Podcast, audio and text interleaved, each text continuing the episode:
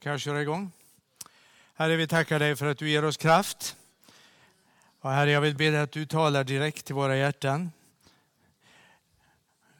Och att du ger oss en eh, inre förståelse som vi behöver för att kunna vara effektiva i vår bön. Tack Herre för att du leder oss så att vi kan ta steget ifrån allmän bön om fred och framgång till att verkligen använda de andliga vapen som du har gett oss. Vi är vana vid att det här med det är islam, det, det, det, är ju liksom väldigt mycket prat om detta hela tiden, att eh, islam vill erövra världen. De går ifrån religiös förnyelse till politisk revolution. De vill ta politisk makt. Det känner vi ju till. Sen ska vi ju inte dra alla över en kam, men det drar ju kraftigt åt det hållet. Inte bara hos de öppet islamistiska krafterna som Hamas och så vidare, utan det finns där mer eller mindre. Men jag vill också att vi ska, för att förstå kopplingen till det som sker mycket i världen just nu, så vill jag att ni hänger med mig upp till, ifrån Sarajevo upp till Novi Sad i eh, Serbien. Och eh, jag var där med, ett, eh, med folk från, olika, från 11 olika länder, var vi ett 90-tal personer 1994 och evangeliserade. Och vi, evangeliserade, vi hade också möte i stans synagoga, det var bara att gå dit.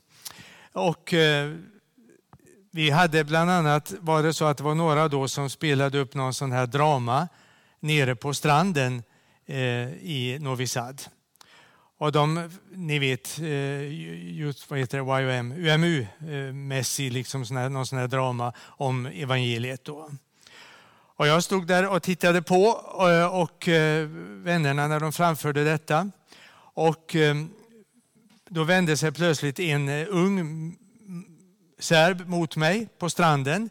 Helt uppklädd i kostym och allt. Jag vet inte riktigt. Han, han var ju inte där för att bada uppenbarligen. Och han vände sig mot mig. Han såg givetvis att jag var utlänning och sa så här. De är landsförrädare. Och jag sa, vilka menar du? Menar du mina vänner, utlänningarna som agerar, som framför dra, dra, dramat? Nej, sa han, de kan inte vara landsförrädare, ni är ju inte serber. Utan jag pratar om de serber som hjälper er. De är landsförrädare. Och jag sa, varför? Vad menar du? Ja, de är inte ortodoxa. Vi har redan hört detta av Arthur, att man identifierar sig, också sin nationalitet utifrån religionen. Och jag sa, sa, sa till att börja med att det här är ungefär därför att det är samma, det är ju egentligen samma folk då. Ja, inte albanerna, men alla de andra. Det är egentligen ett folk med samma språk och så skiljs de åt av religionen. Och jag tror att vi har all anledning att förstå hur att, eh, att eh, den ortodoxa kyrkan är lika mycket en politisk eh, spelare, aktör som islam. Ja, det är ju högaktuellt. Men än en gång, det som sker runt om i världen, det finns i koncentrat, har funnits i koncentrat länge på Balkan. Och den ortodoxa kyrkans position i de här frågorna fick jag lära mig av den här mannen när jag hälsade på och gjorde en intervju med honom i Timisoara någon gång på 90-talet. En mycket vördnadsbjudande eh, äldre man som var Eh, nu lever han inte längre, men han var väldigt länge metropolit, alltså ungefär ärkebiskop för ortodoxa kyrkan i Rumänien. Han hette Nikolaj Corneanu och han pratade en underbart vacker rumänska. Eh, I alla händelser så han, var han ett unikum. Han var en ortodox kyrkoledare på högsta nivå som inte ställde sig bakom detta politiska spel. Han agerade mot diktatorn i Rumänien, Ceausescu, tillsammans med Peter Dogolescu, baptistpastorn till exempel. Och det, allt, det var, så han var verkligen ett unikum, alltså som verkligen gick emot diktatorn. Och han förklarar för mig vad jag då inte visste. Nämligen att det finns en ortodox teologi som utvecklades på 500-talet som de själva kallar för symfoni mellan kyrka och stat. Symfonia teologia.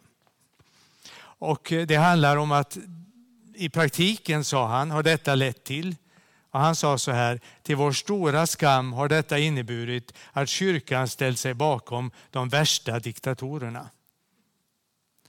Stalin, Ceausescu nämnde han särskilt, det var det som var aktuellt i hans liv då.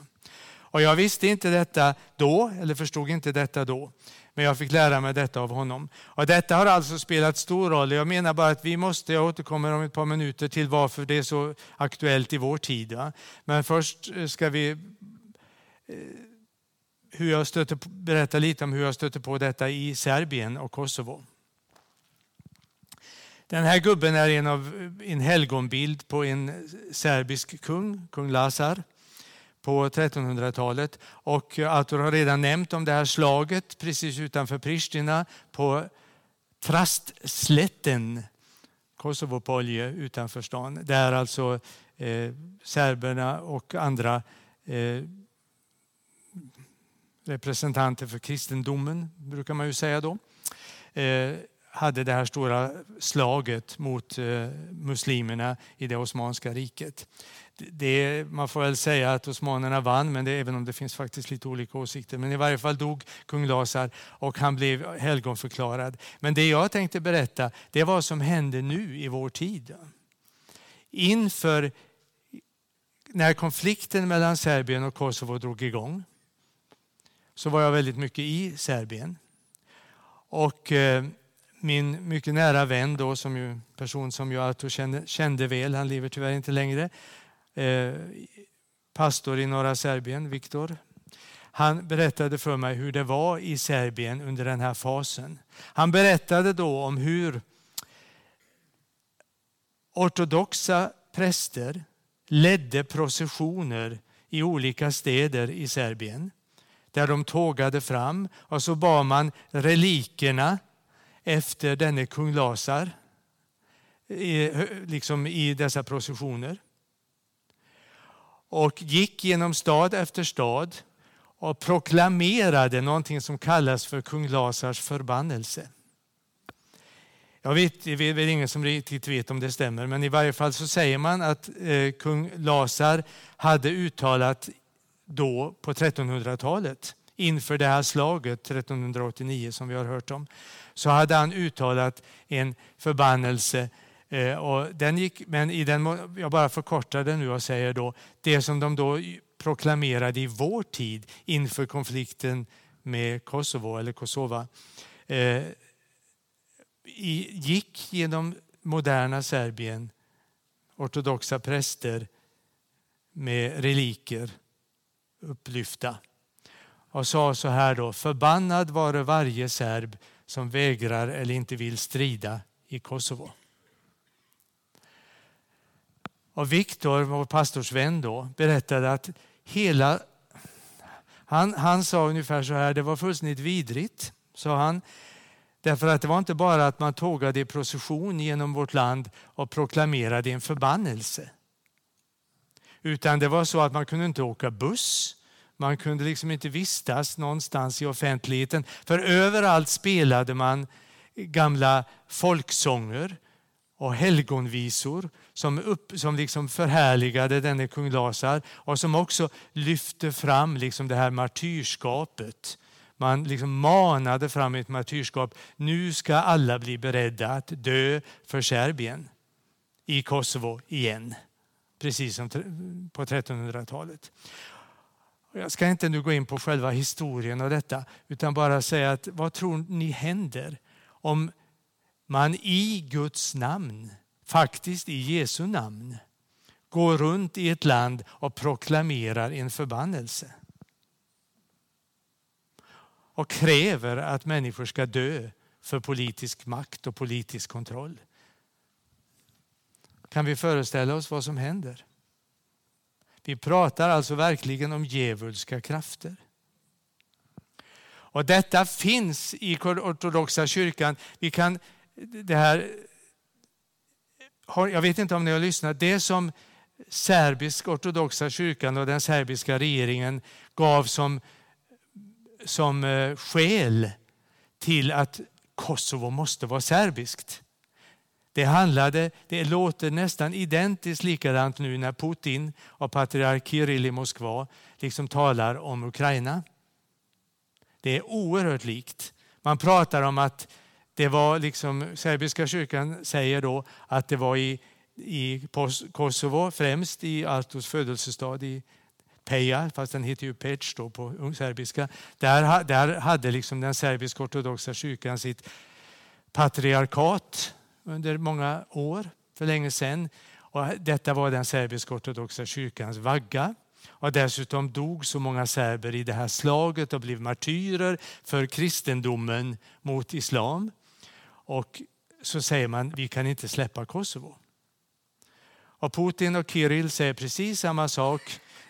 Den rysk-ortodoxa kyrkan den grundades på Krimhalvön på 900-talet. Jag hinner inte gå in på de här historierna nu. Historiskt stämmer ju de här uppgifterna. Jag menar, den, de gjorde det. Eh, och eh, den, så den grundades på Krimhalvön, det som nu är Sevastopol, och i, i Kiev. Det är sant så långt. Och detta tar man då till intäkt för att de här områdena måste vara ja, serbiska respektive ryska. Då. Det är inte bara islam som är beredda att ta till våld för att hävda det som de påstår är Guds vilja. Denna, denna politiska makt som de eftersträvar. Islam säger det ju att rätt tro ska etableras både politiskt och militärt. Det är ju sånt som vi hör ganska mycket om, så det är väl inte så. Men ortodoxa kyrkan säger samma sak. Religionen rättfärdigar angreppskrig.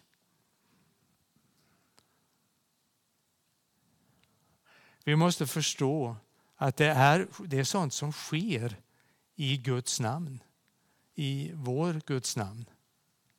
Man säger det. Jesus talar om att många ska komma och säga jag är Messias. De säger kanske inte att jag är Messias, men de säger i varje fall att de representerar Gud. Eller hur? Detta är alltså, det går väldigt djupt. Detta är satanskt. Och vi ser liksom hur detta finns i... Det här har ju då eh, stora konsekvenser i dagens värld. Vad är det som händer i det politiska spelet? Ehm, å ena sidan så är det fortfarande nu de här starka konflikterna mellan till exempel Serbien och Kosovo, mellan det ortodoxa Serbien och det muslimska Kosovo. Och serbiska ortodoxa kyrkan är fortfarande eh, så att säga väldigt på gång och på hugget och menar att det är, vi måste strida mot islam. Samtidigt, goda vänner, så träffas världsledarna från dessa förment fientliga religioner och länder och samarbetar. Den 19 juli 2022 i Teheran i Iran så träffades då alltså Putin, Khamenei och Erdogan från Turkiet som har blivit ett bekant ansikte i Sverige på senare, senaste tid. De hade ett toppmöte där och de jobbar alltså för ett utökat samarbete. Eh, Även, jag säger så att sataniska maktanspråk förenar faktiskt. Om de tillsammans vill dra nytta, om de vill dra nytta av detta, att de tillsammans kan agera mer och effektivare mot demokrati och mot frihet. Och detta är sånt som sker nu. Ni vet väl att Iran förser Ryssland med drönare som används i Ukraina. Detta är en amerikansk eh, satellitbild till eh, vänster eh, på en anläggning som de håller på att bygga upp borta i Sibirien, i Tatarstan, för att producera iranska attackdrönare inom Ryssland. Det här pågår. Direkt ur Teheran Times hämtar jag informationen att Iran, Kina och Ryssland höll gemensamma flottövningar i Omanbukten i mars 2023 som ett led i arbetet på förstärkt militärt samarbete. Detta är alltså översatt ur Teheran Times. Jag vill bara liksom... Vi, det, det, på ett sätt låter ju detta för stort på något vis. Men jag tror inte det är för stort. Vi har en kallelse. Vi har en kallelse att använda de vapen som Gud har gett församlingen. Andliga vapen. I bön, genom förkunnelse, proklamation, evangelisation, lovsång faktiskt. För detta är ett spel som pågår. För de här krafterna, alltså ortodoxa kyrkan representerad av eh, Putin här då. Den iranska shia-islam och eh, Erdogan då, som står för en helt annan typ av islam. Egentligen är de fiender, men de till och med samarbetar nu. Aktivt nu samarbetar de. Varför då? Ja, därför att de har en gemensam fiende och den gemensamma fienden är allt vad frihet heter, allt vad demokrati heter, allt vad rättvisa och rättfärdighet heter. Det är de allihopa emot. Därför att det som är bakom alltihopa är Satans anspråk på att få styra. Och då är frågan vad ska vi göra åt detta?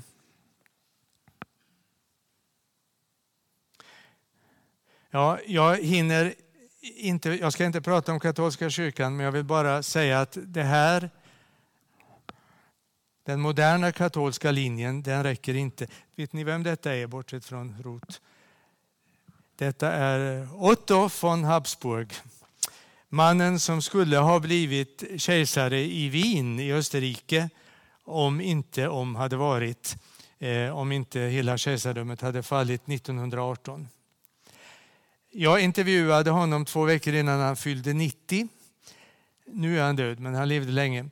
Och eh, när vi bytte då från engelska, som de ju, när jag släpptes igenom så sa de ju att jag var svensk journalist då, men när vi, jag, jag sa, tilltalade honom då på eh, vinsk tyska och då blev han väldigt frispråkig. Det har jag varit med om många gånger, även inom EU, att om man byter, om jag träffar liksom högt uppsatta österrikiska diplomater och pratar österrikiska med dem så pratar de väldigt öppet.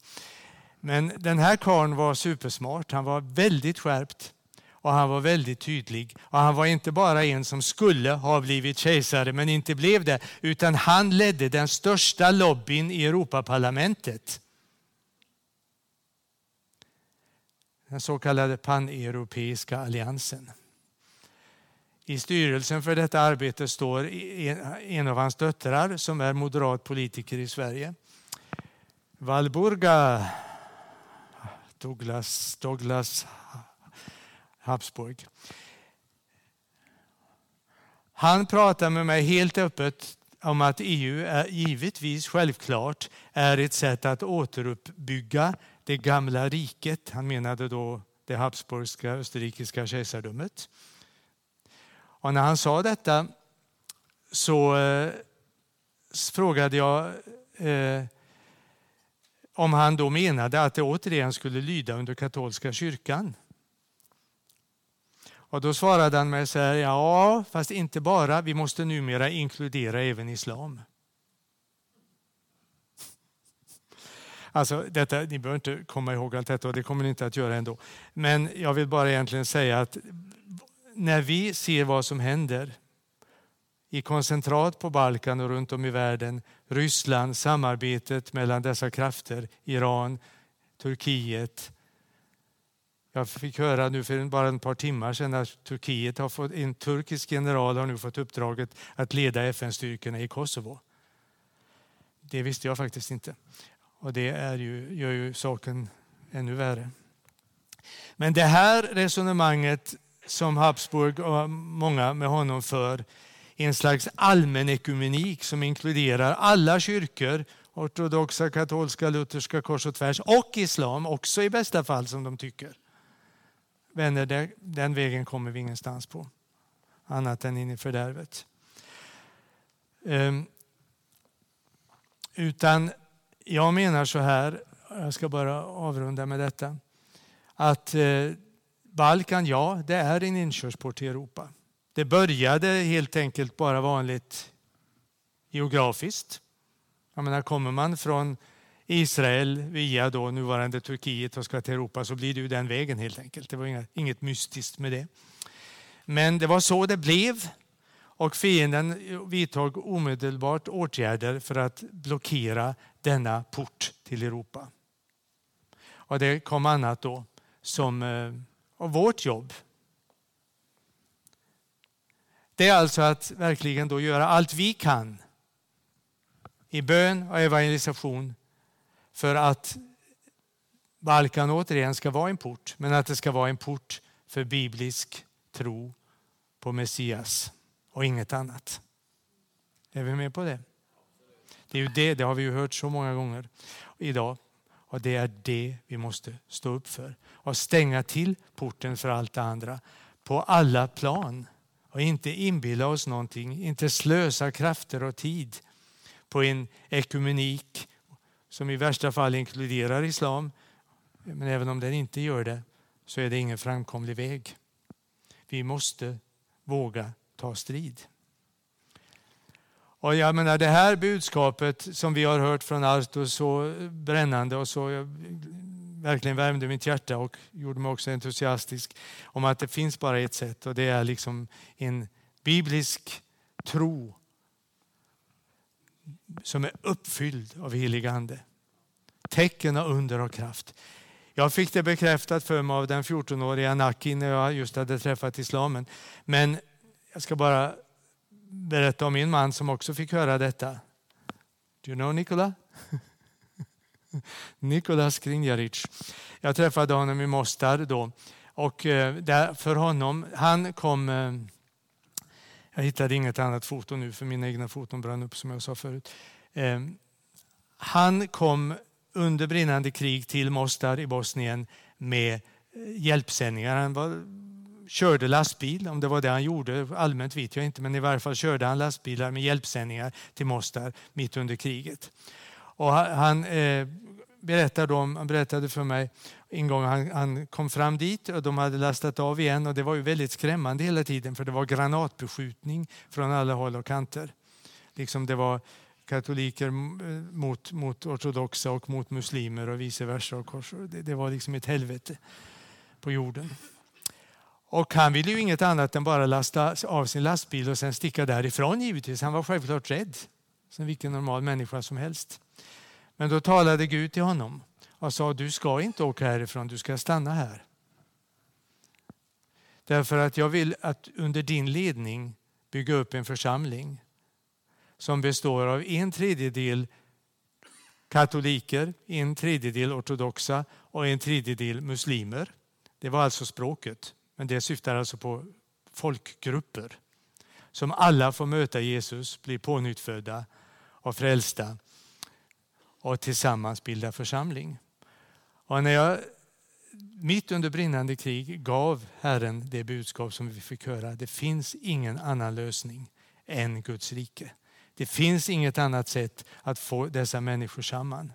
Och eh, Nikola blev kvar och han fick se, om det nu blev exakt 33 procent, det vet jag inte. Men han, eh, när jag pratade med honom så var församlingen, som nu då, det är ju Carmelos församling, jag vet inte riktigt hur det ser ut nu, men då i varje fall så, så eh, var det så att det var alltså frälsta muslimer, det var frälsta kroater, frälsta serber som kom samman i denna församling.